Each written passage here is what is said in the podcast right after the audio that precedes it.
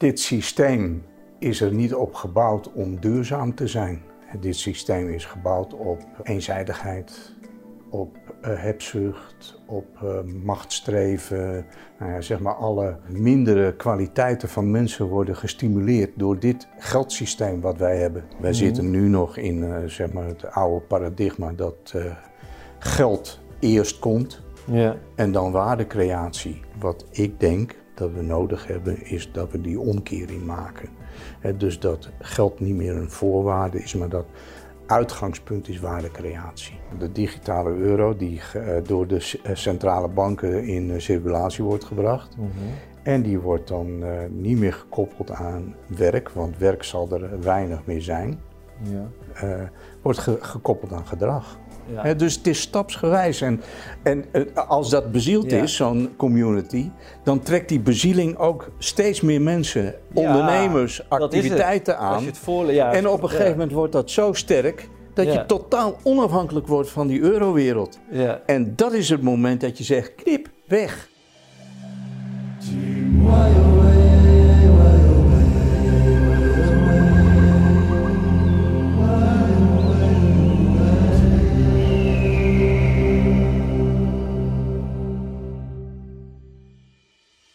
Welkom, beste mensen, bij weer een nieuw seizoen van de Tijdboek Lumens podcast. Waar wij vorig seizoen het thema hadden op visie voor een nieuwe wereld, met veel aandacht voor de onzichtbare werkelijkheid, gaan wij ons dit jaar bewust verwonderen. Dat wordt ons thema, bewust verwonderen. Uh, wij gaan de brug slaan naar de zichtbare wereld en wij gaan daarmee beginnen bij Ad Broeren vandaag. Um, het wordt een van mijn minst favoriete thema's. Uh, dat zal ik straks ook uitleggen waarom. Uh, voordat wij gaan beginnen, uh, is nog even dit. We gaan naar de boekenrubriek. Welkom in de boekenrubriek. Deze keer aandacht voor tijdboek Lumens editie 1, eenheid. Hoe we van verdeeldheid naar eenheid kunnen groeien. Als antwoord op de veelgestelde vraag, hoe dan wel? Ik lees een stukje voor. Succes brengt succes met zich mee. Succes geeft vertrouwen en heelt cynisme. Veel mensen zijn tegenwoordig zo cynisch geworden. Dat lukt toch niet, zeggen ze, nog voor ze het geprobeerd hebben. Wij willen dat cynisme veranderen in enthousiasme. We zijn veel talrijker en krachtiger dan we denken. Als we ons weer met elkaar verbinden, dan komt de menselijke maat terug. Als groepen onderling gaan samenwerken, is er nog veel meer mogelijk. Die schakels kunnen tot in het buitenland doorwerken. The sky is the limit. Dit stukje komt uit het artikel van Ad Broeren, een nieuwe economie als bevrijding. Er is veel kritiek op hoe de zaken gaan, maar dat is pas de eerste stap. Hè? Hoe dan wel? De veelgestelde vraag, hoe dan wel? Nou, dit boek geeft een richting op die vraag, hoe dan wel? Welkom terug uit de boekenrubriek. Wij gaan dus met Ad Broeren in gesprek vandaag. Econoom, schrijver. Wat is daar nog meer aan toe te voegen? Uh, onderzoeker, uh, houdt van mensen, uh, wil het beste voor iedereen en ehm, probeert tegelijkertijd met beide benen op de grond te blijven. Nou, mooi. Nou, laten wij eens uh, van start gaan. Allereerst, Ad, hoe gaat het met jou? Want je bent echt druk geweest. Dus ik ben wel benieuwd, hoe zit je er tegenwoordig bij? Ja, nou ja, sinds wij uh, verhuisd zijn vanuit Amsterdam naar uh, het rustige Drenthe, hebben we een uh, overgangsperiode gehad van wennen aan de rust en de stilte.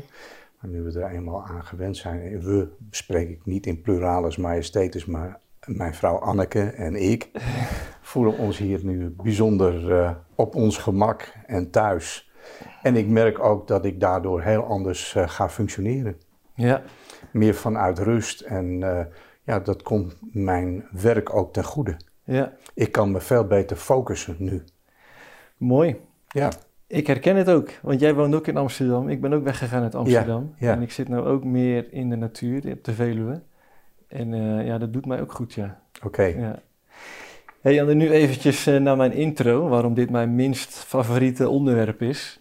Um, vertel. Ik heb nooit wat met economie gehad, want vroeger op de middelbare school, ik was denk ik een jaar of dertien, in de tweede brugklas, had ik een keer economieles. En ik weet niet eens meer zo goed waar het over ging. Volgens mij ging het over iets van de staatsschulden die maar opliepen en dat de rentes daarover steeds moeilijker te betalen werden. Op een gegeven moment was dat alleen nog maar de aflossing. En vond ik zo'n raar verhaal. Dus na de les ging ik naar die docent toe. Ik zeg, maar waar gaat dit dan heen? En toen zei hij, dit gaat ook een keer klappen.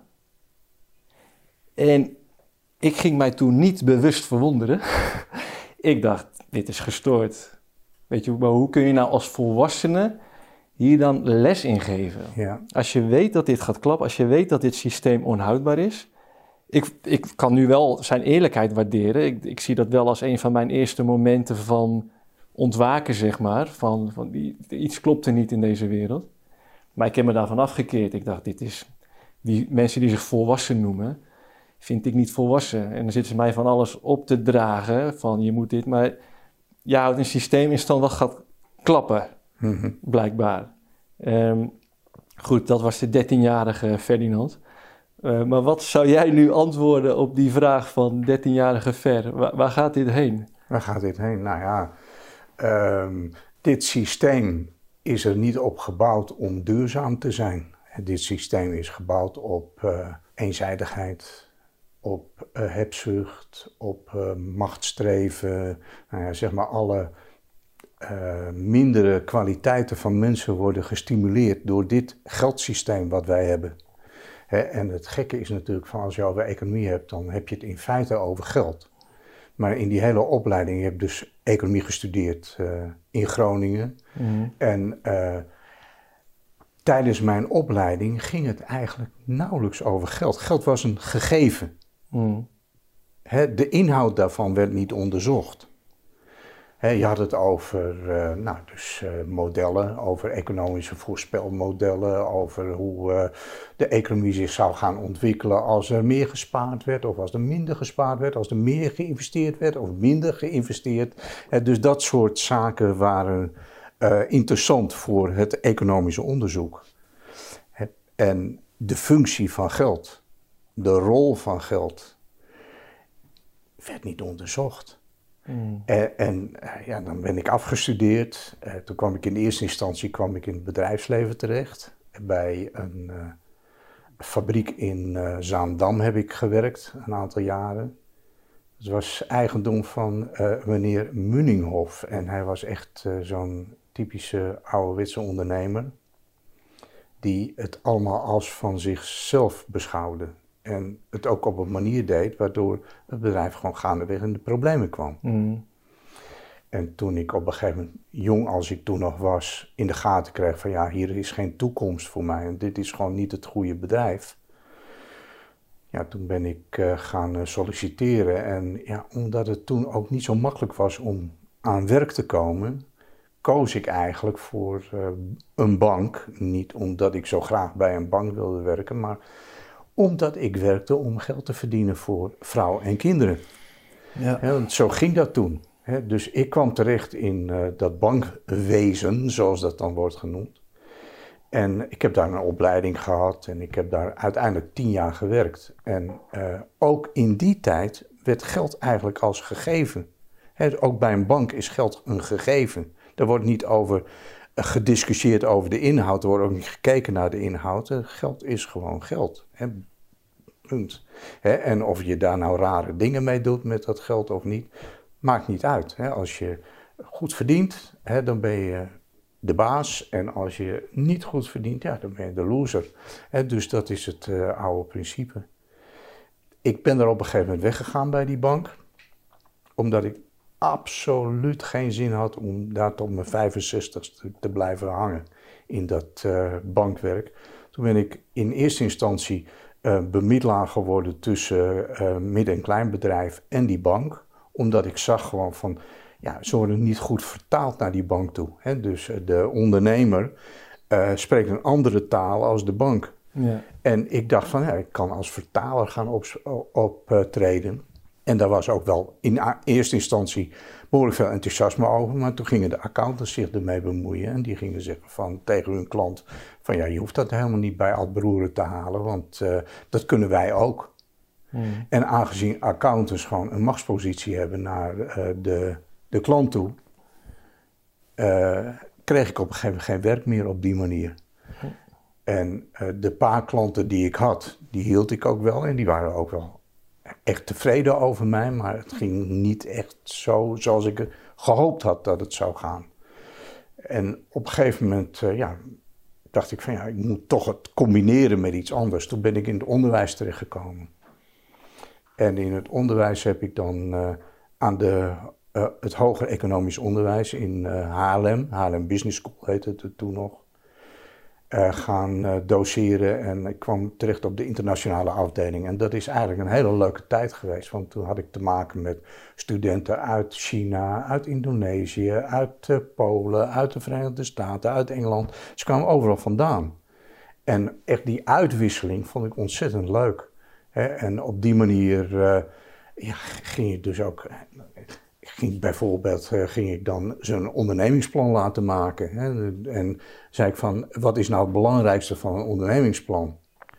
En die buitenlandse studenten, die gingen daar dan over nadenken van, wat is je missie dan eigenlijk? Mm. En de Nederlandse studenten, die zeiden van, ja, zoveel mogelijk geld verdienen meneer. Ja. Hè, dus dat was het hele adagium. Het adagium was A, van zorgen dat je een 6 haalt. Mm. Meer hoeft niet. Mm. En B, van uh, uh, geld verdienen, zoveel mogelijk geld verdienen, dan heb je het gemaakt. Mm. Dus dat is echt hier in Nederland heel diep ingeworteld. Maar niet met een student bijvoorbeeld uit Kenia. En die gingen echt nadenken over van, ja, hoe, welke missie kan ik ten, ten grondslag leggen aan mijn werk? En die kwamen dan ook met prachtige ondernemingsplannen en met hele goede ideeën. Mm. dus uh, uh, die armoede die er uh, nu zo duidelijk is, die was er toen, toen ook al, hè, in die tijd. Ja.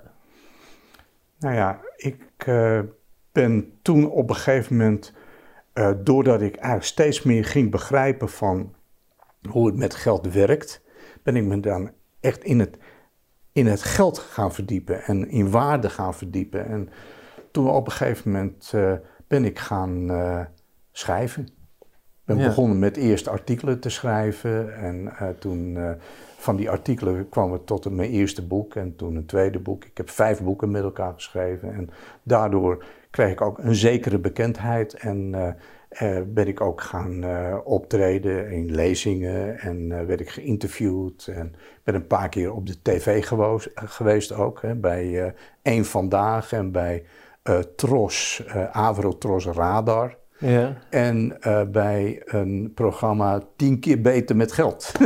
mm, mm. Maar uh, ja, door daar zo intensief mee bezig te zijn met die vraag, kom je ook steeds dieper. En nu na 15 jaar daarmee bezig te zijn geweest, heb ik toch een behoorlijke visie, een doorwrochte visie opgebouwd van hoe dat nou met geld en waarde zit. Ja, en jouw, jouw visie in je boeken en die je in de praatprogramma's hebt geuit, die hmm. stond wel aardig haaks op de realiteit van uh, toen en vandaag de dag. Ja. Dus dat werd je ook niet altijd in dank afgenomen. Nee, want uh, in feite is dat wat ik zeg uh, ondermijnend voor het systeem. Ja.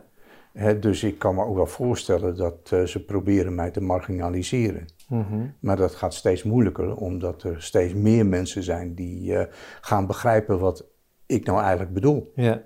Kijk, je zegt nou het uh, grote kleine woordje ze. Ze proberen je te marginaliseren. Kijk, ons publiek bestaat echt uit verschillende lagen en gevaccineerd, ongevaccineerd. Weet je, dat is echt. We proberen altijd eenheid te praten.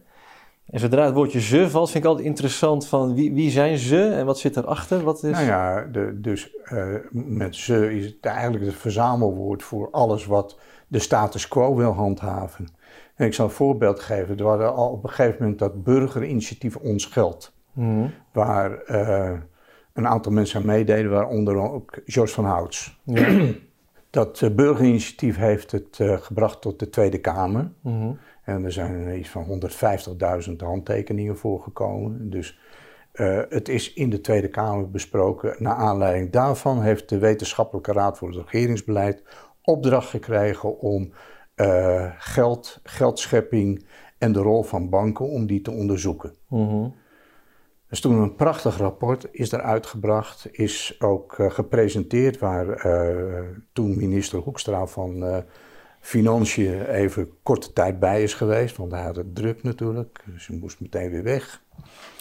maar de conclusie uit dat rapport was van heel mooi wat die mensen van het burgerinitiatief zeggen en het is ook lof, loffelijk wat ze nastreven, Mhm. maar uh, het is beter dat we dat niet doen.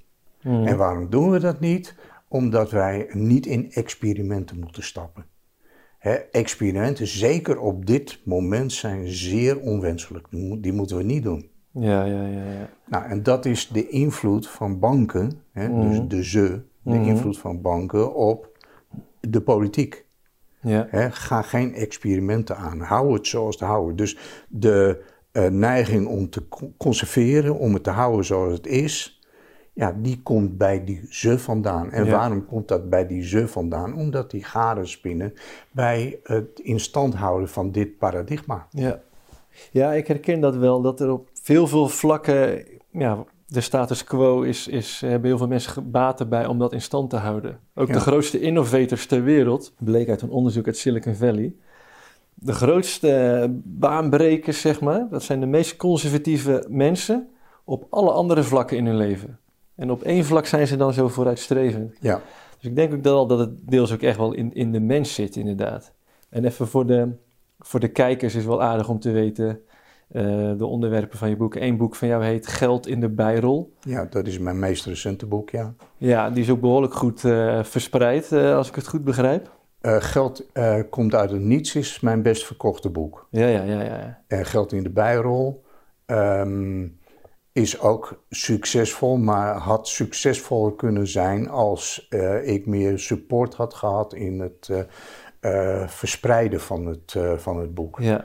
Het is, mijn eerste boek heette Een menselijke economie. En die heb ik echt helemaal vanuit spontaniteit geschreven. En echt, ja, het is, gewoon, het is echt een beginnersboek. Ja, ja. Maar tegelijkertijd, als ik het teruglees, denk ik van ja, dat is eigenlijk heel leuk, die spontaniteit.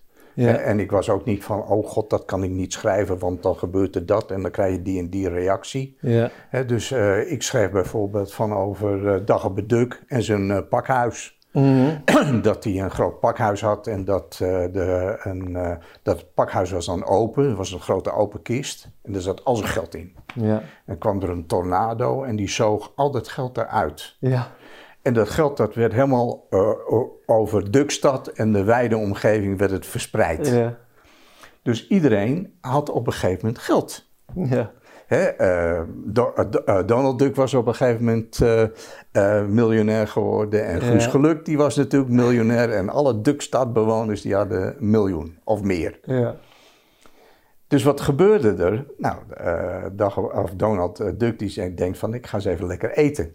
Mhm. En ik kom bij een restaurant, restaurant gesloten, ben op wereldreis. Super eh, Oké, dan ga ik ook op wereldreis. dus hij naar eh, benzine toe, naar de tank, en naar het tankstation. En daar staat ook een bord. tankstation gesloten, ben op wereldreis. dus iedereen Ja, werkte niet meer voor elkaar. nee, nee. Want hadden allemaal geld. Ja. Hè? Dus waarom zou ik werken? Nou, dus eh, wat gebeurt er dan? dan? Op een gegeven moment krijgt iedereen dan toch honger. En wat heeft Dagobert Duck in de tussentijd gedaan? Ja. Met de neefjes Kwik, Kwek en Kwak. Ja. Had hij dan eh, ervoor gezorgd dat er eh, tarwe was, dat er groente was, dat er fruit was. Dat er, nou, dus alles wat te eten was, hadden ze geproduceerd. ja. En dat verkocht hij dan aan die steenrijke... Ik voel hem al aankomen. Ja? En dan was de prijs van een ei was dan een miljoen. Ja, natuurlijk.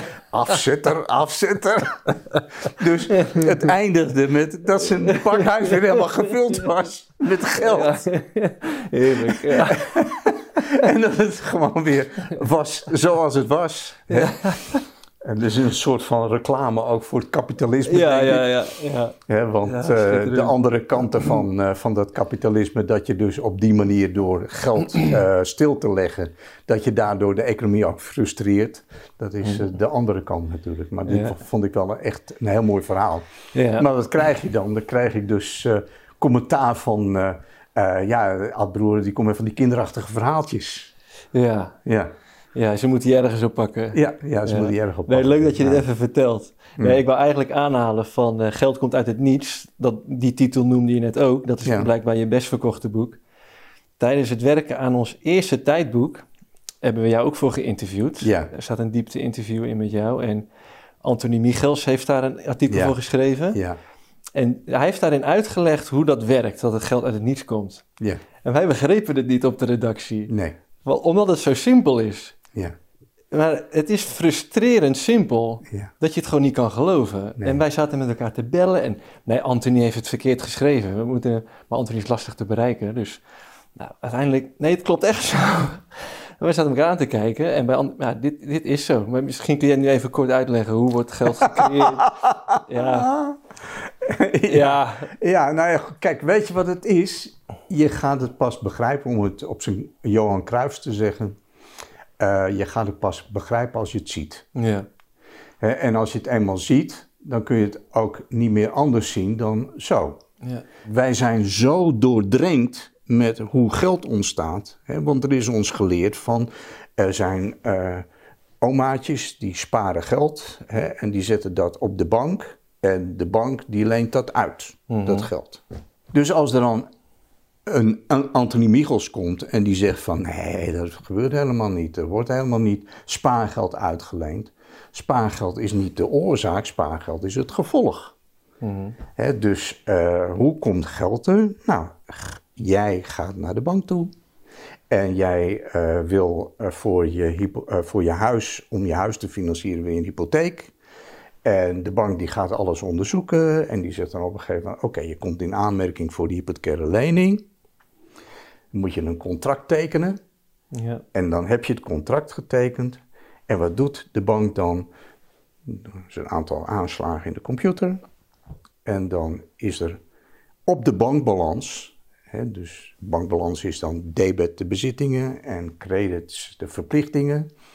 Op de bezittingenkant komt er opeens te staan van een vordering op meneer Jansen, want die heeft een hypotheek. mhm, En aan de andere kant staat eh, een verplichting aan meneer Jansen om dat geld te leveren ja, uit de hypotheek. Dus dan is er, eh, laten we zeggen dat die hypotheek 200.000 euro is. Ja. Dan is er zowel links als rechts op de balans, is er plotseling een bedrag ontstaan die er daarvoor niet was. ja. En dat heet geldschepping uit het niets. Ja, ja en dit, dit konden wij niet geloven. Wij dachten, dit kan niet. Wij zaten er ook zo naar te kijken van, ja, we missen iets. Ja, Dit is niet het plaatje, maar dit is echt hoe het gaat blijkbaar. dit is echt hoe het gaat, ja. Ja. Dus, en eh, dan zijn er eh, regels gesteld voor hoe ver banken daarmee kunnen gaan. Om hun, want iedere keer dat er weer geld bij komt, wordt die balans dus groter. Ja, Hè, er komt er meer geld bij, meer geld, meer geld. Dus eh, dan zijn er regels van ja, mag, je moet altijd zoveel aan eigen vermogen hebben ten opzichte van wat het uitstaat. Nou, dat is bij banken is dat zeer rekbaar. Mhm, want als, ik heb wel eens gezegd van als banken eh, zouden worden beoordeeld zoals banken bedrijven beoordelen, ja mooi. dan zouden ze niet meer kredietwaardig Nee, zijn. mooi, eh, dat is, vind ik een mooie eh, Hmm. insteek, ja. Dus dat geld wat er dan bij komt, dat moet dan op een gegeven moment gedekt zijn. Maar daar hebben ze allerlei trucs voor, joh. Ja. Om dat zo in te kleden dat ze heel ver kunnen gaan. En in 2007 was het zelfs zo erg dat er zeg maar, van al dat geld wat ze hadden uitgeleend, maar 2% eigen vermogen was. Ja, En soms zelfs wel minder. Hè, want dan werd het ook nog een beetje opgeleukt, hè, waardoor het nog wat leek. ja, dus als er dan iets te veel mensen cash geld willen halen, dan eh, kunnen ze niet leveren. Nee, de, het, het probleem is eigenlijk vooral van eh, als er iets te veel bedrijven in de problemen komen Ja, en niet aan hun verplichtingen naar de bank kunnen voldoen, dan is die bank zo weg. ja, Hè, want die heeft zo weinig buffer dat, eh, dat die. eh, eh, en, en daarom werd er dus ook tegen mij gezegd van als ik dus uh, weer voor de zoveelste keer mij verzette tegen de starre houding van, uh, want ik zat in de kredietverlening bij de bank, als er weer zo, de zoveelste starre houding werd ingenomen, zei ik van ja, waarom dan niet? Nou ja, wij kunnen als bank geen risico nemen. Ja, ja, ja. Wij zijn geen risiconemer. En waarom zijn ze dat niet? Nou, omdat ze in feite gewoon geen verliezen van een, een grotere omvang kunnen dragen. Kunnen ze niet. En rotte aan het hele verhaal is natuurlijk van uh, ze maken wel verliezen. Hè, want uh, wie schat nou de toekomst zo in dat die weet gewoon wat een bedrijf gaat doen? Hè, en daar werkt de conjunctuur ook nog een keer aan mee. Dus als het slecht gaat met het bedrijfsleven, gaat het ook slecht met de bank. Hè, en dan verliezen ze. En wat gebeurt er dan als ze verliezen? Dan gaan, kan de gemeenschap ja. hè, die kan betalen voor die verliezen. Ja. Wat dus ook in 2008 is gebeurd. Ja. En als het goed gaat, dan wordt de winst die wordt dan verdeeld onder de aandeelhouders. Ja, precies. Ja, Wel de lusten, niet de lasten. dus het zijn commerciële bedrijven die uh, eigenlijk leunen op uh, de maatschappij in hun functioneren. Kijk, een van de dingen die ik toen ook zo gek vond is, dat je, banken zijn private instellingen. Dat zijn gewoon BV's, NV's. Uh, weet je, kan ik ook een, een eenmanszaakje of een BV beginnen en dan zeg ik, nou kom maar naar mij en dan doe nee, ik ook die truc. Ze van, nee, jij moet een bankvergunning hebben. En dan, moet jij voldoen aan een hele set van uh, voorwaarden. Ja, ja. Hè? En uh, dan mag je bij de club. Nou ja, je hebt, met, club? De, je hebt met de DSB-bank gezien. Hè? Ja. Dus het was een vreemde eend in de bijt. Ja. En het, uh, die schering mag dan een rare knakker zijn geweest. Maar hij deed niet iets anders dan wat de anderen ook deden. Ja. Ik heb in dat boek Menselijke Economie nog de vraag gesteld van waarom ging de NIBC-bank mm -hmm. niet failliet, net als de DSB-bank, want die stond er bij wijze van spreken slechter voor dan de DSB-bank. Ja. Waarom ging de DSB-bank wel failliet? Ja. Nou, gewoon omdat hij in dat wereldje van die bankiers niet werd gepikt. Hij sprak niet de juiste code. Ja, ja, ja. Ja, want je hebt een club van ja, privé-instellingen die, die ja, een licentie heeft om geld te scheppen uit het niets. Ja. Ik merk dat ik het thema bewust verwonderen nu al heel lastig begin te vinden. Dat ik, ik heb al zoveel dingen waar ik dan op verder wil graven, of zou moeten graven. Want okay. hier, hier kunnen we, denk ik, dagen over verder kletsen. Ik, maar ik heb er eigenlijk... Ja, je hebt het zelf ontketend, want jij begint over ja, van... nee, maar laten we een andere afslag ingaan. Uh, Mensen kunnen je boeken gaan lezen of, ja. uh, weet je, maar uh, laten we een andere afslag nemen hier. Heel graag. Ja, je hebt ook dus geld in de bijrol geschreven. Nou, mensen ja. die ons uh, eerste boek hebben gelezen en ons eerste seizoen van de podcast hebben gezien, die weten dat ik daar ergens erg op aansla. Geld in de bijrol, niet in de hoofdrol. Wij zien een geldloze wereld voor ons. En jij hebt ook de, een essay geschreven over de eilandeconomie. Eilandeconomie. En ja. daarna gaan we terug naar de vraag van de 13-jarige Ferdinand, want die heeft ook nog steeds geen antwoord. Die zit ook nog te wachten. Waar gaat het heen? Maar wat kun jij vertellen over geld in de bijrol en, en de eilandeconomie? Want dat vond ik wel een fascinerend uh, verhaal. Ja, ik Wat... zal even gecomprimeerd proberen te vertellen van hoe dat was met die eilandeconomie. Het is dus zo dat een schip vergaat ergens in de grote oceaan, ver weg van alles. En een aantal schipbreukelingen uh, spoelt aan op een onbewoond eiland. Ja. En uh, zij proberen dan met elkaar te overleven. Mhm. Uh, dus ze richten het zo goed mogelijk in. Nou, bij die schipbreukelingen zit ook een bankier. Ja. En die bankier die heeft verstand van geld. Dus die stelt voor van laat mij het geld maar regelen. Mm. Nou, die maakt uh, briefjes en die zegt van die briefjes, die, uh, dat is ons geld. En uh, die zegt van ja, daar moet ik dan rente op hebben, en, want dat zijn mijn inkomsten. Ja. En die laat dan dat geld circuleren, iedereen krijgt een bedrag en die moet dan proberen het zo goed mogelijk te doen. Wat krijg je daarvan? Nou, de ene is succesvoller dan de andere. De aannemer Uh, onder de schipbreukelingen die de hutten bouwt. Dat is uh, de Bollebof, die maakt het meeste geld. Mm. En de vistuigmaker, die hangt er een beetje aan, die, die verdient weinig. Mm. Maar ze moeten wel allemaal dus na een jaar hun geld weer inleveren. Want dat heeft de bankier gezegd. Van jullie lossen na een jaar alles af. Ja. En dan gaan we de pijlstok erin steken. En dan zien we wel hoe we dan eh, verder gaan. Ja. En ze moeten de rente betalen. Nou, dus eh, dan krijg je meteen al dat een aantal in problemen raken. Hè, want die kunnen hun eh, rente niet betalen. En die kunnen hun aflossing ook niet helemaal betalen. Dus die zitten in een permanente schuldpositie bij de bank. Ja. Terwijl er dus ook een paar zijn die gaan steeds meer uit die schuldpositie. En uiteindelijk na een jaar of vijf zie je dat eh, dus er winnaars zijn en er zijn verliezers. En ehm, dan steken ze de koppen bij elkaar en zeggen ze van ja, het is wel allemaal mooi en wel wat die eh, bankier heeft gezegd. Hè, maar wij willen gewoon echt geen eh, breuk in de samenleving van winnaars en verliezers. Eh, en één die weet dan de rest te overtuigen dat ze moeten stoppen met de rente.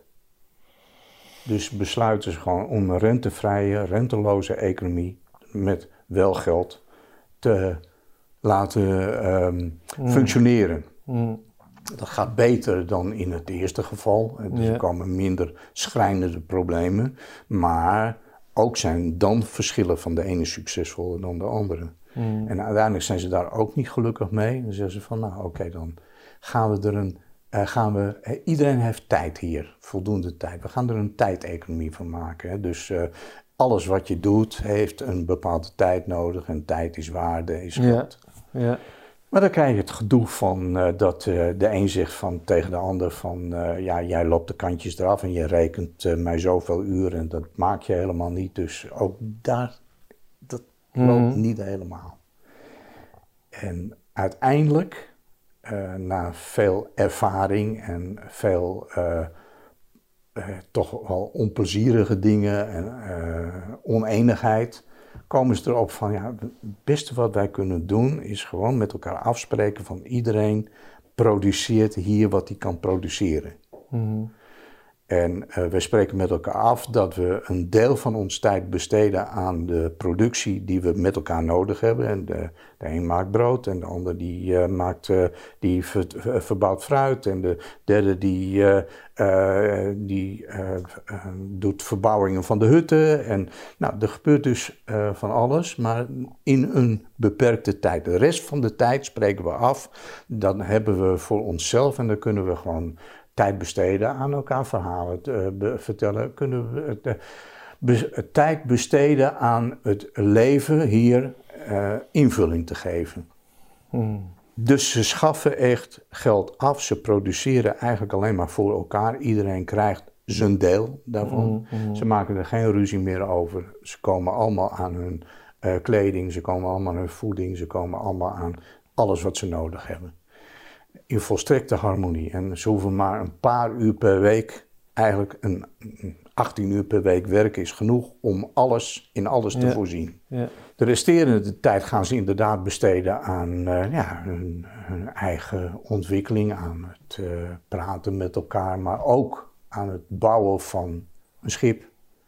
Hè, want uiteindelijk willen ze toch heel graag weer naar de bewoonde wereld. Hoewel ze toch wel gewend zijn daar, maar Mhm. het verlangen is toch om terug te gaan. Mhm. Dus ehm, dat doen ze dan met elkaar, omdat ze hebben geleerd om met elkaar samen te werken Ja. en eh, niet hun eigen belang voorop te stellen. Daardoor lukt het dus ook uiteindelijk om dat schip te bouwen en eh, weer terug te komen. Prachtig. Ja, dus dat is eigenlijk het, eh, de, de gang door eh, de ervaring heen dat het bewustzijn zo gaat groeien van die groep, dat ze op een gegeven moment geen geld meer nodig hebben. En is dit een, een droombeeld van jou of is het gebaseerd op eh, statistieken of de echte wereld? Of, eh, Dit is niet gebaseerd op de echte wereld zoals we die nu, nu hebben. Wij Mhm. zitten nu nog in zeg maar het oude paradigma dat geld eerst komt ja. en dan waardecreatie. Dus als je geen geld hebt, geen waarde, hè? je hebt een lekke band, je komt bij de garage en je wilt de lekke band laten eh, repareren. En eh, de garagehouder die zegt van oké, dat wil ik wel, maar ik wil dat je me vooruit betaalt. Je hebt geen geld bij je. Sorry, ga niet door. Hè? Om een voorbeeld te noemen. Hè? Ja. Dus geld bepaalt wat er eh, wordt gedaan of niet wordt gedaan. Ja. Nou, wat ik denk dat we nodig hebben, is dat we die omkering maken. Dus dat geld niet meer een voorwaarde is, maar dat uitgangspunt is waardecreatie. En dat we geld alleen nog gebruiken om uh, dingen met elkaar te verrekenen en als tijdelijke waardeopslag. Dus dat uh, als je uh, de waarde die de een aan de ander levert, als die niet direct leidt tot een ruil, he, dan kun je daarvoor iets gebruiken waar je eigenlijk niet eens meer geld wil noemen, als, als wel een tijdelijke waardeopslag. Ja en die heeft dan ook geen, daar kun je niet meer speculeren, daar krijg je ook geen rente voor, dus dat kun je ook niet als product gebruiken. Mm. maar je kunt het wel gebruiken als tijdelijke waardeopslag. Als je het te lang vasthoudt, komt de waarde gewoon ervan te vervallen. want je moet het laten circuleren. Mm. Hoe meer het circuleert, hoe beter het is. Ja. en uh, zo krijg je dus, doordat je uitgaat van waardecreatie ook, dat veel meer mensen die nu afvallen in deze geldeconomie, dat die weer waarde kunnen leveren. Want waarde is alles wat een andere deelnemer in zo'n community als waarde ervaart. Ja, mooi. dus als jij bijvoorbeeld uh, heel goed uh, uh, met iemand kunt praten die ziek is, dat je die een hart onder de riem kunt zetten, dat is een waarde voor diegene die ziek is. Mm. En dat is in die community heel belangrijk. Dus waardecreatie is veel minder beperkt tot datgene wat je kunt vertalen in geld, maar wat uh, waarde heeft voor de ander.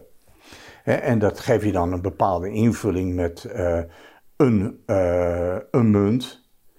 en, maar die munt is dan meer een token. En die ehm, is eigenlijk alleen maar bedoeld gewoon om dat hele proces soepel te laten verlopen. Ja. Ja, heel mooi. Weet je, ik heb het uh, ook in een droomvisioen gezien, de eilandeconomie, maar dan nog met een fase erachter zelfs. Dat er niet eens afspraken gemaakt hoefden te worden. Dat mensen uit hun eigen waarneming zagen waar de behoefte lag. Ja. Dat ze vanuit een intrinsieke motivatie voelden. Ja. Ik hou ervan om te providen, om te geven, om te delen. Maar dat krijg je ook als je het gaat omkeren. Hè? Dus als de waardecreatie uitgangspunt wordt, dan mhm. kunnen mensen weer van hun passie uitgaan. En dan kunnen ze uitgaan van waar ze goed in zijn. hè? En dan kunnen ze uitgaan van hun plezier wat ze hebben in iets te creëren voor de ander. Of dat nou een goed of een dienst is. Dat komt dan weer terug. Hè? Want deze geldeconomie heeft alles stuk gemaakt. Ja. Kijk maar naar de gezichten van werknemers waar je ook komt. Ja. Ik let daar sinds nu een paar jaar op. Ja. Ja, het is echt droevig eigenlijk. Ja. Het is echt verdrietig. Ja. Het is echt erg. Ik vind het echt niet leuk ook om te zien. Van jeetje, je staat hier alleen maar ja. voor geld. Ja. Helemaal niet omdat je het zelf leuk vindt. Het is totaal geen intrinsieke motivatie. En dan ook nog een keer vreselijk werken. Neem nou zorg. Hè? Ja. Van de, loop, de een naar de ander loopt weg. Ja. Bij de politie, de een naar de ander loopt weg. Ja. En dan zeggen ze, ja, we kunnen geen personeel meer krijgen. Nee, waarom niet? Omdat de mens in dat proces niet meer centraal staat. Ja. Je bent gewoon een ding in het productieproces. Ja. ja, ik denk dat je daar twee vakgebieden noemt waarin mensen echt kiezen vanuit een roeping. Zorg en dienstverlening, politie, zorg. Eh, echt vanuit een intrinsieke motivatie ga je erheen. En vervolgens brand je op aan van alles. Aan randvoorwaarden die niet kloppen. Randvoorwaarden die niet kloppen, maar ook vreselijk hard moeten werken. Zonder dat eigenlijk daar een uh, een echte waardering tegenover staat. Ja, ja, ja, Het zijn gewoon in feite rampinstellingen aan, aan het worden. Hè? Dus zowel uh, die politie als die, uh, die zorginstellingen. Ja. en zo zijn fijn... er natuurlijk veel meer gewoon. Hè? Dus die hele economie is eigenlijk op zijn eind aan het lopen... doordat het uitgangspunt verkeerd is. Ja. Nee, ik vind het heel fijn dat je dit zegt, want ik hoor de grootste denkers, professoren, doctorandussen, die hoor ik zeggen: nou ja, geld, dat hebben we altijd gebruikt, dat moeten we blijven gebruiken. En ik denk dan, dan blijf je juist in zo'n grootse bubbel nog geloven, die niet klopt. Weet je, in die eilandeconomie heb je denk ik heel leuk die fases uh, herkend. Maar je blijft iets doen voor iets anders. Het is een excentrieke motivatie. Ja. En dan ga je de randjes eraf lopen. Als ik voor mijn uren moet gaan werken, ja. Uh, ja, ik, ik, ken mezelf. Ik ga dan ook een beetje vervelend doen. Want ik ga dan zitten vergelijken in mijn hoofd. En dan ga ik kijken, ja, maar ik, ik heb meer opleiding gedaan of zo. Of, precies. Um, of ik ben heel oud. Dit zijn mijn laatste dagen van mijn leven. moet ik een beetje gaan, eh, mijn uren gaan Van- zitten van inleveren. werkzame leven. Maar weet je wel niet hoe waardevol mijn laatste uren zijn? Hmm. Weet je, totaal oneerlijk. Weet je, en er zijn zoveel dingen aan te merken op ehm, het concept geld zelf. Weet je, het Ja. monetaire stelsel Ja. is heel veel op aan te merken. Daar vroeg dat 13-jarige Ferdinandje naar. Wel, hij gaat dat, maar het concept geld zelf. Weet je, er wordt zo vaak gezegd: het is neutraal, het is maar wat je ermee doet. Maar ik ben dat echt. Nee, het concept geld is gebaseerd op eh, de gedachte dat eh, geld waarde in zichzelf heeft. Ja, Dat je geld als een product kunt inzetten. Dat geld met geld verdienen volstrekt normaal is. ja, Hè, maar het enige wat er gebeurt met eh, geld als product inzetten en geld met geld verdienen, is dat, dat je een volkomen scheve verdeling krijgt. Want er zijn geen gelijke kansen. Het is niet neutraal. Hè, en eh, dat zie je gewoon van dat eh, inderdaad eh, 10% heeft eh 80% van al het bezit. Hè, en de rest heeft dus eh 20%, waarvan ook nog de bovenste helft het meeste en de onderste helft vrijwel niks. ja, Hè, dus dit systeem werkt ongelijkheid in de hand. En als het dan nog bleef bij die ongelijkheid, dan zou je nog kunnen denken: oké. Maar het geeft ook macht en invloed. En dat is het meest ernstige wat eh, gekoppeld is aan eh, groot geldbezit. ja, Hè, want waarom moet je in godsnaam honderden miljarden bezitten? ja, Waarvoor is dat goed? Nou, het is alleen maar goed van als je zoveel hebt, dan kun je veel macht en invloed uitoefenen. Hè, want dan kun je mensen omkopen, dan kun je mensen laten doen wat jij wil. ja, Hè, dan kun je het WHO kopen ja. En dan kun je het WHO laten doen wat jij wil. Ja. ja, nu zitten we dan weer in de hogere eh, complotverhalen, theorieën. Ehm, ja, dit is ook echt iets om bewust over te verwonderen. Dus ik wil hier nou niet ter plekke op ingaan, maar ik zou wel de openheid ook naar de kijker en de luisteraar willen hebben van... Ja, wat gebeurt hier? Ja. Weet je, met, als je, als je Ja. ziet hoe het geld geconcentreerd is geraakt door de decennia heen, vooral dat de is laatste gewoon een decennia. feit. Vooral sinds het digitale Ja. geld is dat extreem gegaan. Ja, dat is inderdaad. Versneld is dat geconcentreerd bij een hele beperkte groep. En dan zeggen ze van ja, maar die groep die wisselt en die is steeds niet hetzelfde. Nee, nee. Het is in handen van een beperkte groep. Ja. Kijk, en, eh, en een oud gezegde wat ik ook ken van, van jongs af aan is... eh, de gelegenheid maakt de dief. Ja. En dan hoor ik elk jaar weer minstens een paar verhalen van mensen in mijn directe omgeving... die opgelicht zijn door een investeerder. Dan worden ze benaderd in de privésfeer. Ja, ik heb een trucje of ik heb een crypto-beleggingsrobot en dan... Of weet ik het, en dan mooie verhalen en dan stappen ze erin... En dan blijkt het oplichterij te zijn. En nou, de eerste vraag die ik dan stel is: had je dit, ah, als je heel eerlijk bent naar jezelf, heb je iets geproefd? Want ik zie alles als een oefening tegenwoordig om mijn intuïtie te scherpen. Maar niet alles kun je ook aanvoelen, want niet alles is al eh, bekend, zeg maar, aan het begin. Sommige van die investeerders beginnen echt oprecht, maar gaandeweg gaan de dingen toch niet zo soepel zitten ze toch in een soort ja, Tupperware-model of piramidespel. Ja. Krijgen ze nieuwe vriendjes van vriendjes binnen en nog meer geld. Dus ze kunnen nog steeds uitbetalen. En voor je het weet verzand je in iets waar jij helemaal niet aan wilde beginnen. En dan moet ik denken aan, ja, gelegenheid maakt de dief. Ja, juist. En dit zijn eigenlijk nog kleine bedragen. dit Maar dan gaat zeg je twee dingen. Hè? Dus. Mhm. ten eerste van de gelegenheid maakt de dieven dit systeem nodigt uit. Ja. Hè, tot dit soort eh, praktijken. Hè, en de state of mind van heel veel mensen is zo van dat ze er ook graag in mee willen gaan. Hè? Dus dat ze ja.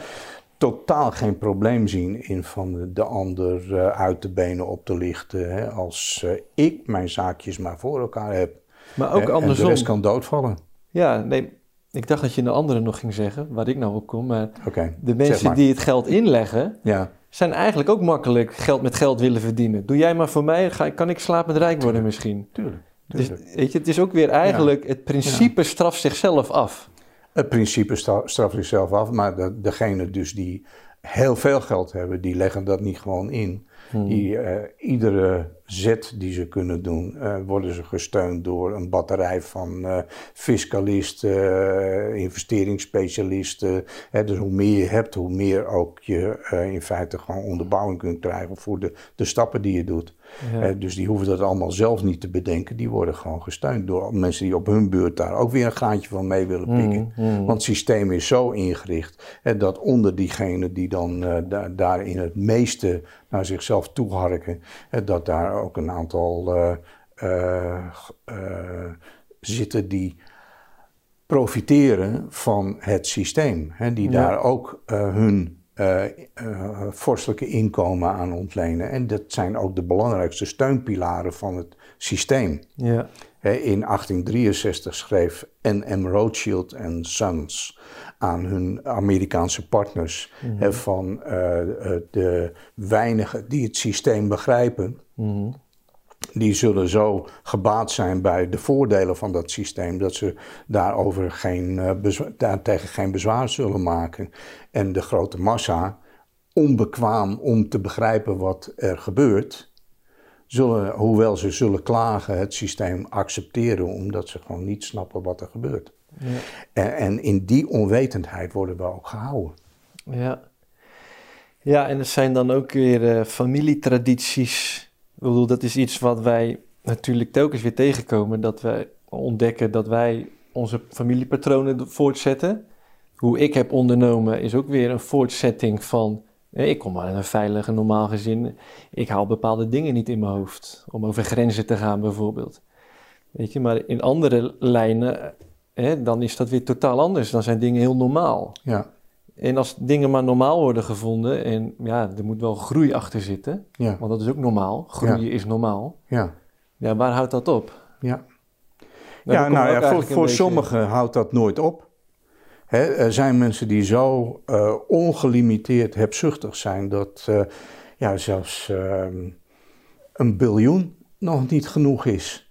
Ja. het lijkt op het verhaal, verhaal van vrouwtje Pichel mee. Mhm. van, uh, dat die gewoon eigenlijk steeds meer wil, steeds meer. En op een gegeven moment wil ze uh, God zelf zijn. Ja. En dan zit ze weer in de uh, pot. Omgekeerde Keulse pot. Ja. Ik weet niet of je het verhaal kent. Nee. Nee, nou is het mannetje Pichel mee. En die is met vrouwtje Pichel mee. En die woonde in een omgekeerde Keulse pot in de duinen. Ja. En op een gegeven moment beklaagt zij zich over haar lot. En uh, mannetje Pichel mee, die gaat naar het strand toe om erover na te denken. En dan komt hij uh, met een botje in aanraking, dus een botvis, weet je wel. Zo. Mm -hmm. En uh, daar doet hij iets voor, ik weet niet meer precies wat, maar dan mag hij een wens doen. Nou, dan wens hij van, ja, niet voor mijzelf, maar voor mijn vrouw vraag ik jou om dat en dat te doen. Nou, een huisje wil ze dan, in plaats van die keuzelpot. Ja. Dus hij komt terug en het huisje staat er. Mm -hmm. en, nou, dan denkt hij van, dan is nu ze wel blij hè, met dit huisje. Mhm. Maar um, nee, ze is nog niet echt gelukkig. Ze wil iets groters. Ze wil een groter huis met een tuin. En dat gaat steeds verder en verder. En steeds, steeds weer gaat hij naar de zee. Mhm. Totdat ze op een gegeven moment dus uh, vraagt om uh, God te zijn. Nou, mhm. dat is dan het moment dat ze weer teruggaat naar de eenvoud. Want God staat gelijk aan eenvoud. Ja, oh, wat grappig. en zo is het verhaal rond. Ja. En dan zou je ja, eh, mannetjes die doen wat hun vrouwtjes willen, maar het gaat meer om het mannelijk principe en het vrouwelijk principe. Dus het, mhm. eh, het is dan uitvergroot in uh, types, maar het is gewoon, gaat gewoon om de, de begeerte de hebzucht. Ja. En om uh, het steeds maar weer dingen bedenken om die hebzucht te kunnen bevredigen. Ja. ja. want het is niet zo dat die twee gescheiden zijn van elkaar. Ja. Hoe oud is dit verhaal? Oh, dit is uh, de, ja, mijn jeugd. Uh, dat was toen van, waren van die boekjes van, van Nelle. Ja, ja. kreeg je van die plaatjes bij. Grappig zeg. Ja, ja. ja, ik, ja ik heb dit ook gezien. Hè, waarom willen die mensen steeds meer macht of meer geld, weet je. Maar nu je dit verhaal ook aanhaalt en met God, weet je. Ik wil eigenlijk nu wel even een lans breken voor iedereen die ja, extern op zoek is naar in vervulling, zeg maar. Ja, maar dat is iets heel anders. Vertel. Uh, uh, nou, want ik weet niet of je van die jongen gehoord hebt, uh, Servaas, Nick Servaas. Ja. Nick Servaas was een meervoudig gehandicapte jongen. Ja. En hij kon niet communiceren met zijn omgeving totdat ze ontdekte uh, een instrument waarmee hij wel contact kon leggen met zijn omgeving. En uh, toen bleek dat hij ongelooflijk intelligent was, Mhm. jongen, en dat hij heel veel dingen zag. En die ging vertellen, Eh, eh, onder andere over geld. Hij zegt van ja, eh, eh, ieder mens hier op aarde heeft een zeker comfort nodig om te kunnen leven. Mhm. Dus het is eh, zeker niet zo dat wij allemaal in tekorten moeten leven. Dat is helemaal niet de bedoeling. We leven in tekorten omdat het zo verschrikkelijk verde- slecht verdeeld is. Mhm. Hij zegt van eh, mensen die het hebben, die moeten leren om te delen. Mhm. Die moeten leren om te begrijpen dat degenen die het niet hebben, dat dat niet aan hen ligt dat ze het niet hebben, maar dat ze gewoon in omstandigheden zijn gekomen waardoor ze minder in die materie hebben kunnen delen. Dus als degenen die veel hebben, als die, degenen die minder hebben, wat afstaan, waardoor iedereen een comf- comfortabel leven kan leven, krijg je een heel ander leven, zegt die jongen. Ja, dan krijg je dus ook dat de spanning uit die maatschappij gaat. Ja. Ja, dus ehm, nou, dat vind ik, vond ik gewoon een ontzettend mooi verhaal.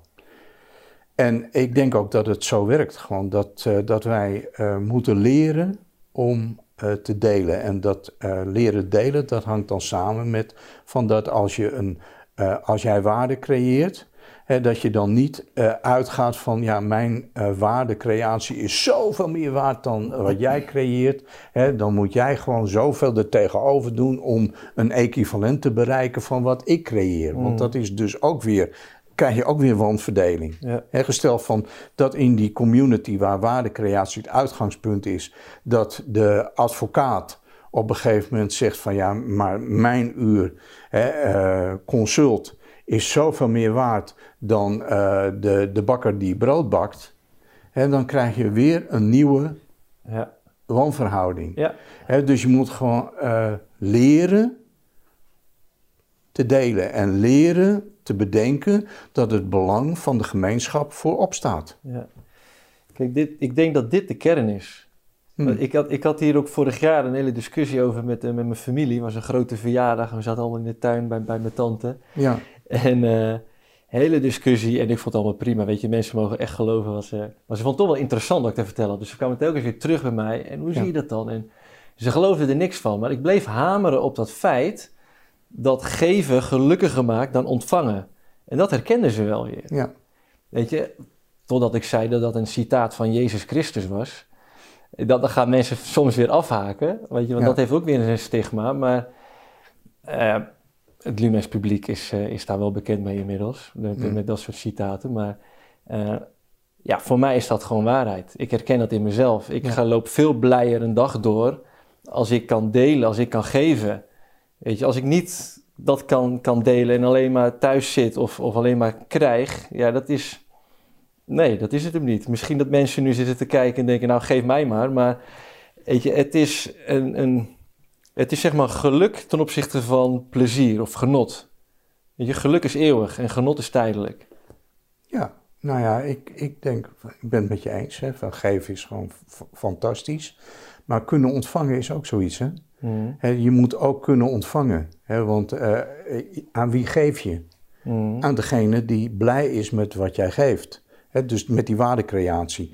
Dus eh, om dat voorbeeld van eh, een zieke hè, die eh, door een ander deelnemer in die community eh, wordt bezocht, die eh, gesprekken heeft met die andere deelnemer, dat is waardecreatie. Hè, en dan is die zieke, die is daar ontzettend blij mee, die kan dat ontvangen. Ja.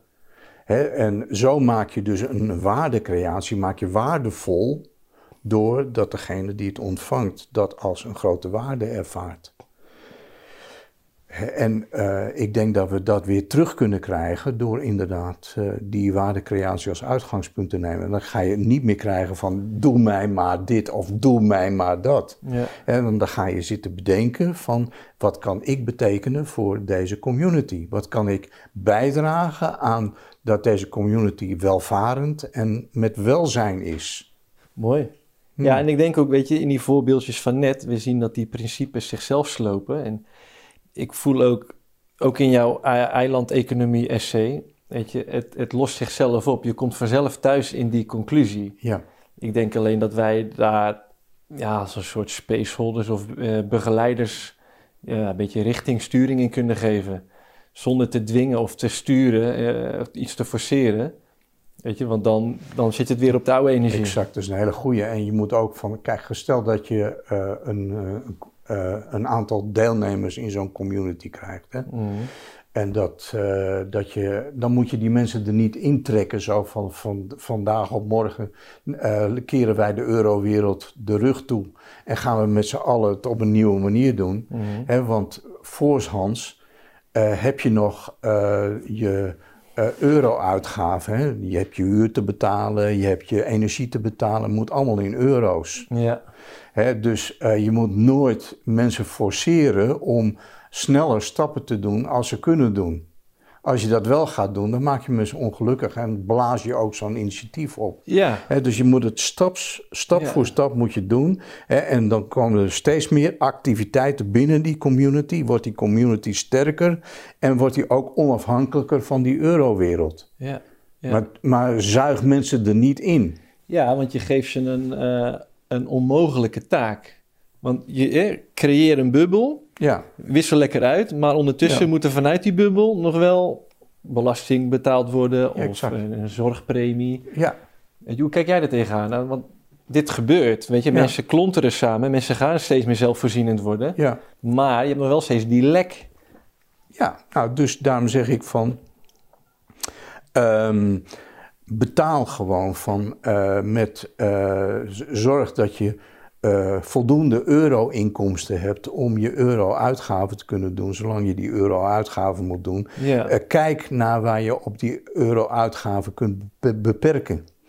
Dus Ja. kijk steeds van wat hoef ik niet meer te doen in die dus die, euro-wereld. die bubbels, die kunnen onderling zonder euro's of wat dan ook, maar naar buiten toe, want er is een lek naar buiten toe.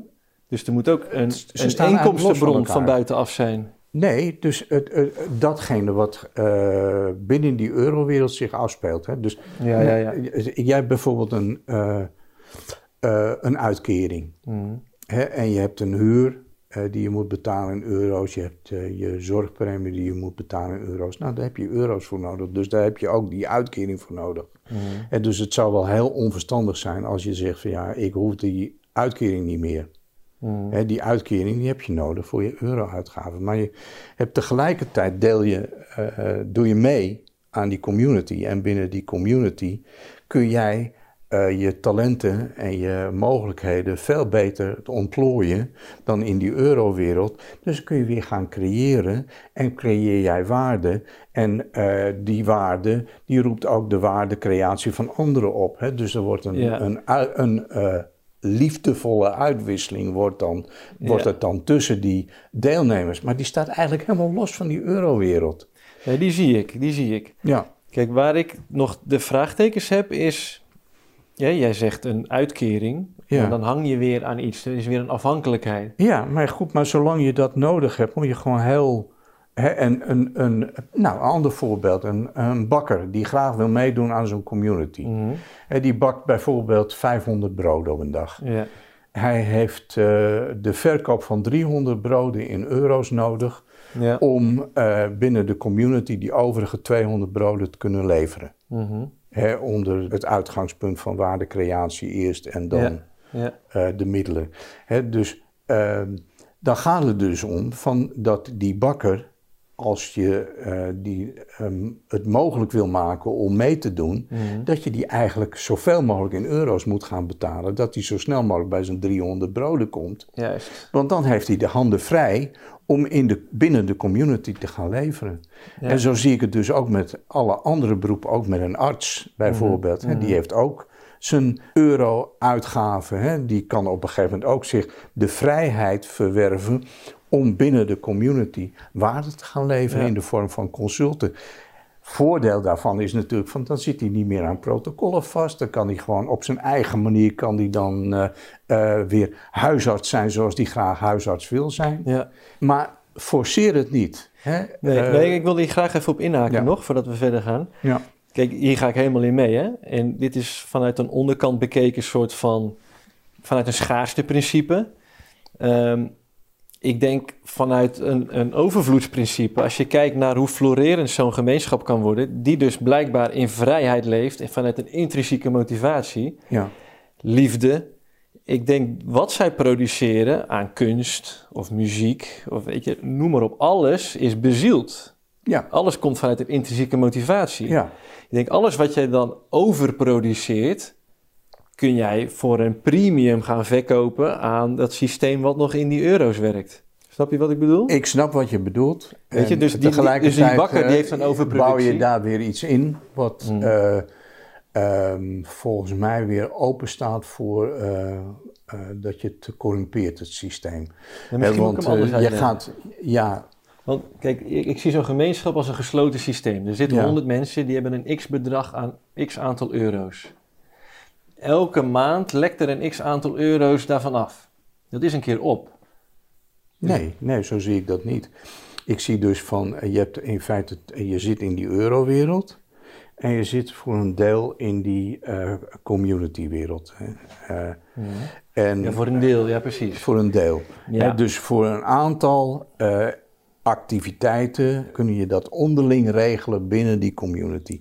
Eh, eh, een aantal activiteiten, zoals we bijvoorbeeld noemden, de huur van je huis of eh, de energiekosten. Ja, daar heb je euro's voor nodig, want daar zit je nog in de eurowereld. Maar als binnen die community een energiebedrijf komt, Ja. hè, die op een hele nieuwe manier energie gaat, eh, gaat eh, voortbrengen, hè, dan kun je dat, hoef je dus niet meer eh, uit de eurowereld energie te halen. Nee, ik, ik heb hem.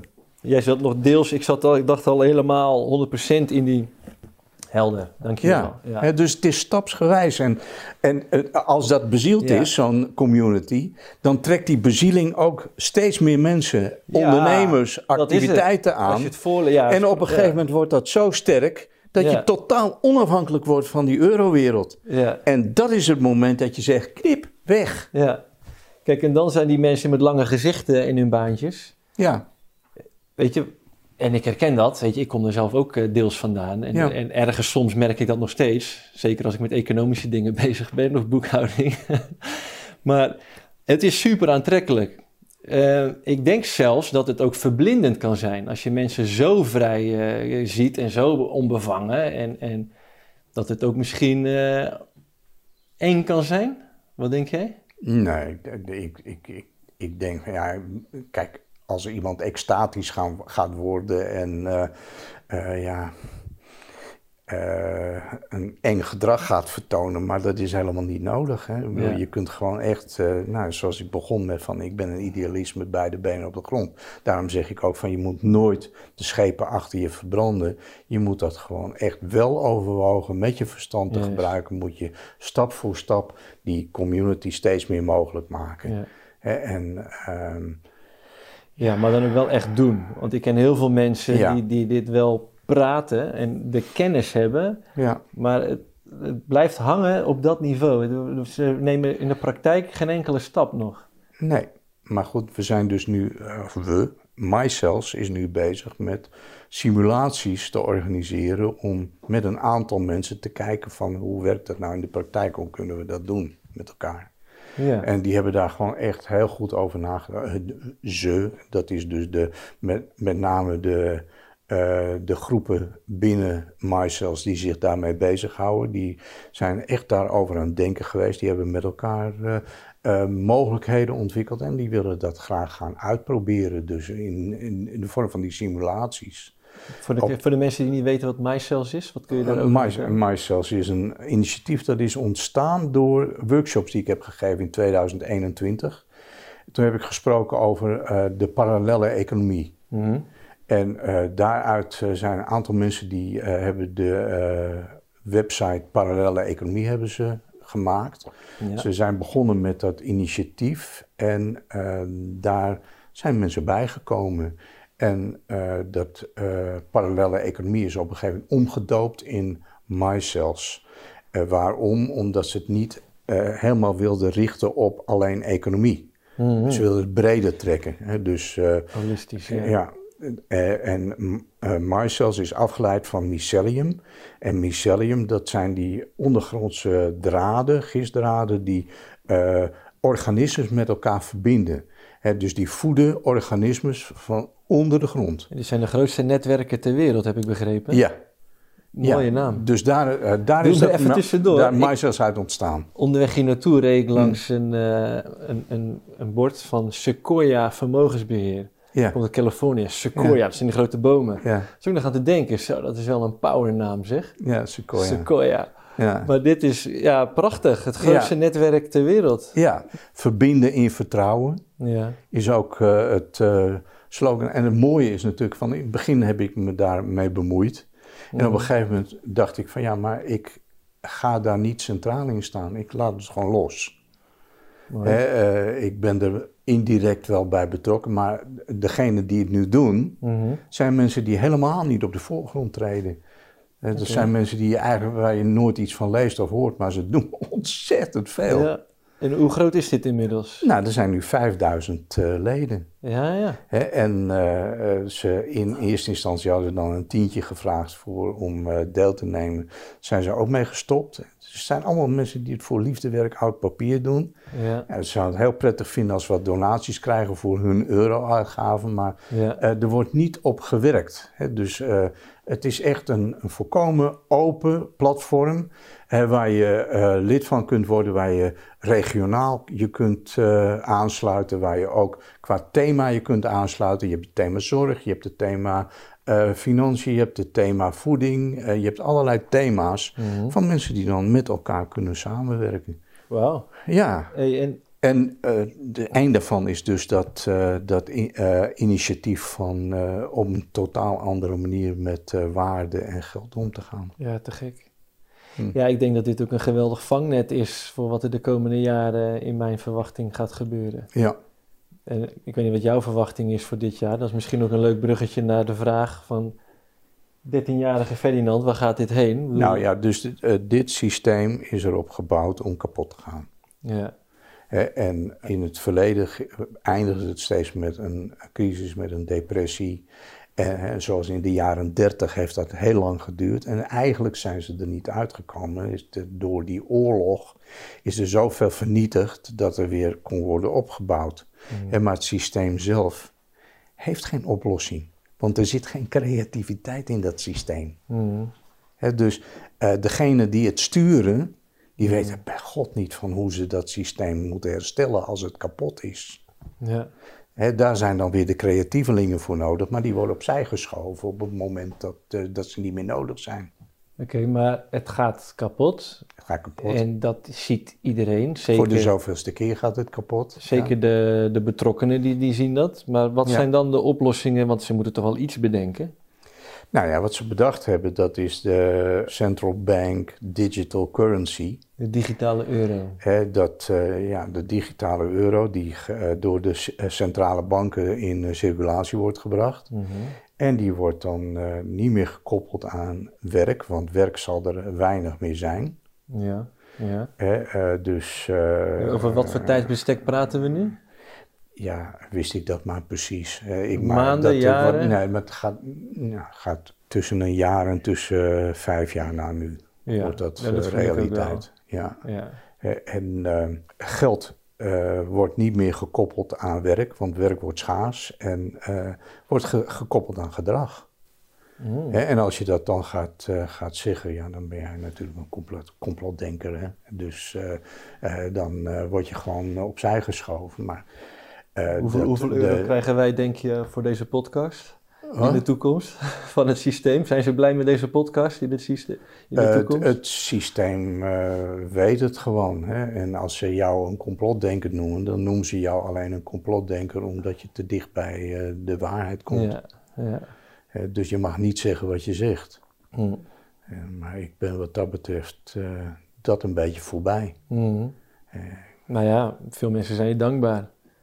Ja, Je ja bent wel dat- voorloper. Dat hoop ik wel, ja. Dat ik eh, eh, heel veel mensen heb geholpen dan. Absoluut. Want ik heb daar ook heel veel voor ingeleverd. Ja, als ik me nu beweeg op de sociale media, word ik zo ongelooflijk geshadowband. Mm, En dus mm. alle, al mijn uitingen worden gewoon echt beperkt tot een hele kleine kring. Ik had eh, een aantal jaren geleden had ik gemiddeld ja, z- zeker zo'n ja, 10 tot 20.000 eh, views op Twitter bijvoorbeeld. En dat is nu beperkt tot 200, 300. Ja, Meer wordt het niet. ja, ja. ja, weet je, maar je hebt het sneeuwballetje al van de heuvel gegooid. Ja. Nou, en je hebt mensen als Anthony Michels, daar ben jij een soort mentor van geweest, of ben je, begrijp ik? Nou, ik ben geen mentor van Anthony. Anthony is gewoon echt een hele slimme jongen. Ja, eh, die eh, dingen heel goed zelf. Maar we hebben eigenlijk elkaar een beetje eh, steun gegeven. Zonder dat we nou echt intensief contact met elkaar hebben. Mhm. Is gewoon van eh, het weten dat hij op een manier bezig is. die aansluit op de manier waarop ik bezig ben. En omgekeerd. Dat geeft hem eh, een versterking, dat geeft mij een versterking. ja, Daarin kunnen we elkaar heel goed vinden. ja, Hij, is, hij, is wel de, hij is wel eens geneigd om wat extra ja, ja, ja. erbovenop te gaan. En ik ben wat kijk niet op ik ben wat terughoudender. Maar eh, het komt in feite op hetzelfde neer. Ja, nee, klopt. En ik zie hoeveel mensen het oppikken. Ik zie ook hoe mensen reageren op de artikelen of in ons boek. En, Ja, nou, ik pak het op. Ik, ik zit erover te filosoferen met mensen. En ik, ik gooi het balletje op. En, en weet je, nou, het, het wakkert iets aan. ja, En het is gewoon een heel fundamenteel thema. Want mensen herkennen wat er staat. Nee, en dan, dan zit er iets als een steen in je schoen. Je, als je dit eenmaal hebt gehoord, kan je niet meer lekker door blijven lopen. ja. Het zit scheef. Eh, ik, ik zou helemaal blij zijn als eh, mensen gaan doorkrijgen dat zelfs al zouden we de meest ideale situatie krijgen in de komende jaren, hè, dat iedereen gewoon eh, geld heeft en dat het allemaal geen enkel eh, probleem is en eh, dat dan nog mensen zeggen van ja, maar hier stappen we uit, want dit systeem klopt niet. Zelfs al zou je het gewoon tijdelijk gewoon op eh, hè, van overvloed zetten. Dit systeem creëert geen overvloed. Nee, En gaat het ook nooit creëren. nee. Vroeg of laat krijg je altijd weer van dat, nou, die, die wanverdeling ontstaat. Hey, in dat scenario wat je schetst hè, voor de komende jaar tot vijf Ja. jaar, in hoeverre zie je het ook daadwerkelijk succesvol uitgerold worden? Nou, ik denk dat eh, als eh, mensen gewoon hun patroon niet veranderen, dat, eh, dat het dan heel, ge- hele grote kans maakt op succes. En wat is succes? Succes is dat heel veel mensen gewoon dat central bank digital currency en alles wat eraan vastzit gaan accepteren. Mm. Ja, ik heb zelf een ander gevoel, omdat alles zo op knappen staat. Zoveel fundamentele zaken in het leven. Ja, bij jou en bij een aantal anderen. Maar Ja. ik maak me nog steeds zorgen over zeg maar, een flinke meerderheid van mensen die zo diep in coma zitten. Mm. Eh, dat, eh, ja, die moeten op een of andere manier toch ook meegenomen. Wil je ooit een andere samenleving, dan moet het eh, door iedereen gedragen worden en niet door een kleine... Wij kunnen voorlopers zijn hè, met elkaar. Mm.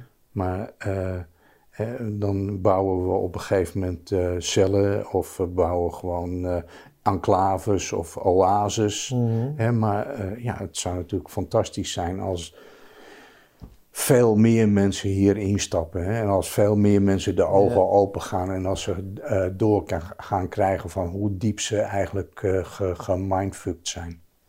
Nou, dit is ook eigenlijk het fundament voor Lumens. Ja, Weet je, we willen een brug slaan. En Ja. we zijn super blij hoe dat uitgepakt is vorig jaar met die podcast. ja, Weet je, ik ben in 2020 heel veel dierbaren kwijtgeraakt, of op afstand eh, ge- geraakt. ja, Ja, de verbinding was weg. Ja. Omdat de meningen, de overtuigingen niet op één lijn lagen, haaks op elkaar stonden. ja, Weet je, en dat, dat raakte mij. Dat vind ik niet fijn. Zij vinden het ook niet fijn. ja, Weet je, toen ben ik gaan inzien, ja, maar dat zijn de kernovertuigingen daarachter. ja, Weet je, laten we daar eens naar kijken. Wat, Ja. wat leidt nou tot die overtuigingen? Ja. En laten we eens vanuit eenheid gaan praten, want niemand wil die verdeeldheid. nee, Dus dat was het fundament voor, voor Lumens. Dat is hoe we het allemaal ook voelen.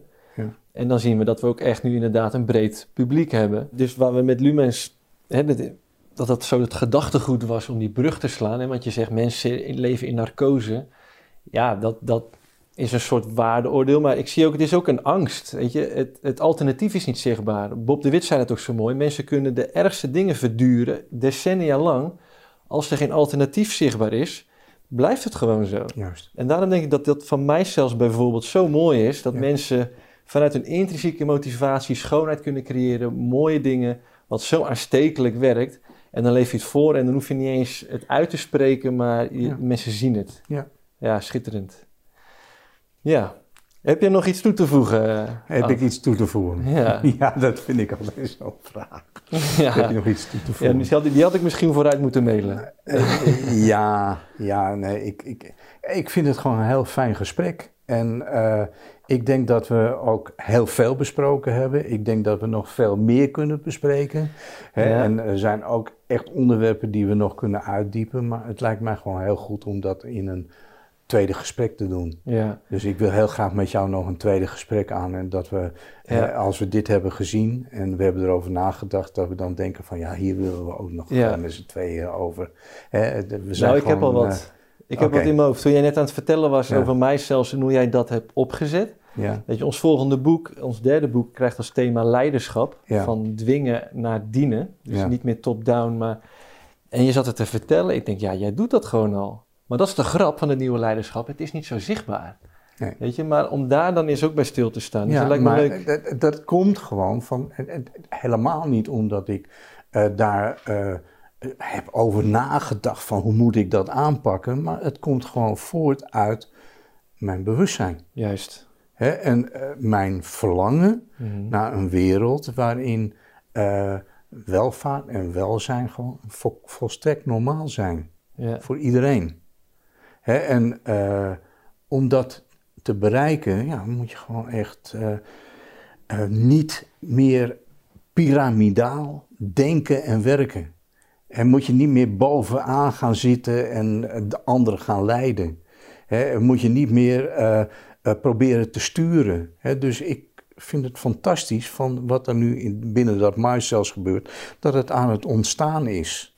En do, notabene doen mensen gewoon die echt ontzettend veel doen. Want er wordt heel hard gewerkt daar. Mhm. Maar je hoort ze niet, je ziet ze niet. Ja. Ze doen het. Maar hoe, dan komt wel de vraag in me op, hoe kom jij aan dat bewustzijn? Ja, dat is gewoon een enorme... het is een kleine vraag met een heel lang antwoord. Ja, dat do- kunnen we voor de volgende keer Ja, dat- laten we dat doen, Ik vind het altijd interessant om te zien, weet je, we interviewen heel veel mensen, maar hoe komen zij dan bij die wijsheid? Ja, Weet je, dat is, ja, ja, ik kan het voor mezelf wel invullen, dat ik steeds eerlijker ben geworden naar mezelf toe. ja. En daarmee allerlei onzin uit mijn systeem heb kunnen halen, Ja. wat tot de dag van vandaag doorgaat. Maar dat helpt mij in ieder geval enorm. Niet mezelf voor de gek houden. Ik zou het ook liefde kunnen noemen. Hmm. Dus dat eh, liefde voor mij een leidraad is, maar dan met de grote L. Ja, en dat ik eh, daarom gewoon eh, sta voor een wereld waarin liefde uitgangspunt is. Ja, liefde met een hoofdletter zoals mijn grote vriend Ja. Ivo Valkenburg, die helaas vorig jaar is overleden, zei van eh, liefde als wettig betaalmiddel. Er werd zelfs door eh, die tekenaar van Sigmund in eh, de Volkskrant opgepakt. Hmm. Want eh, die zei van ja, liefde als wettig, eh, wettig betaalmiddel. Oh, dan ben ik failliet. nou, ik vind het wel leuk, weet je. De geld moet rollen om, om daar de, de, ehm, zeg, de, de tegenhanger van te introduceren. Iets zoals de liefde moet stromen, onvoorwaardelijk rondgaan. ja, ja, C'est ça? Ja. Voilà. ja, want daarin creëren wij gewoon voor elkaar. Ja, ja. Ik kan niet wachten. En ik voel al, weet je, wij doen het al. Weet je, het is vooral ook vrijwilligerswerk wat we doen. En dan, Ja. ja. dat is heerlijk. Weet je, we Ja. kijken er zo naar uit telkens. Dus Ja, super bedankt voor je tijd, Ad. Ik vond het heel mooi. Ja, fijn. Fijn dat je gekomen bent. ja, nou, Bedankt voor dit gesprek. ja nou, tot de volgende keer. Oké. En ook voor jullie beste kijkers, tot de volgende keer. Eh, de volgende keer gaan we ons bewust verwonderen over het rechtssysteem. Nou, dat is een ander, een van mijn minst favoriete onderwerpen. maar eh, we gaan het meemaken. Ehm, we kiezen dan ook wel mensen waarvan wij het gevoel hebben, ja, hè, hè, dat past. Dat zet het echt neer van A tot Z. Dus kijk er enorm naar uit. Ehm, eh, vergeet onze website niet www.tijdboeklumens.nl voor meer content, ons eerste seizoen, boeken, noem maar op. Ehm, en dat was het. Tot de volgende keer.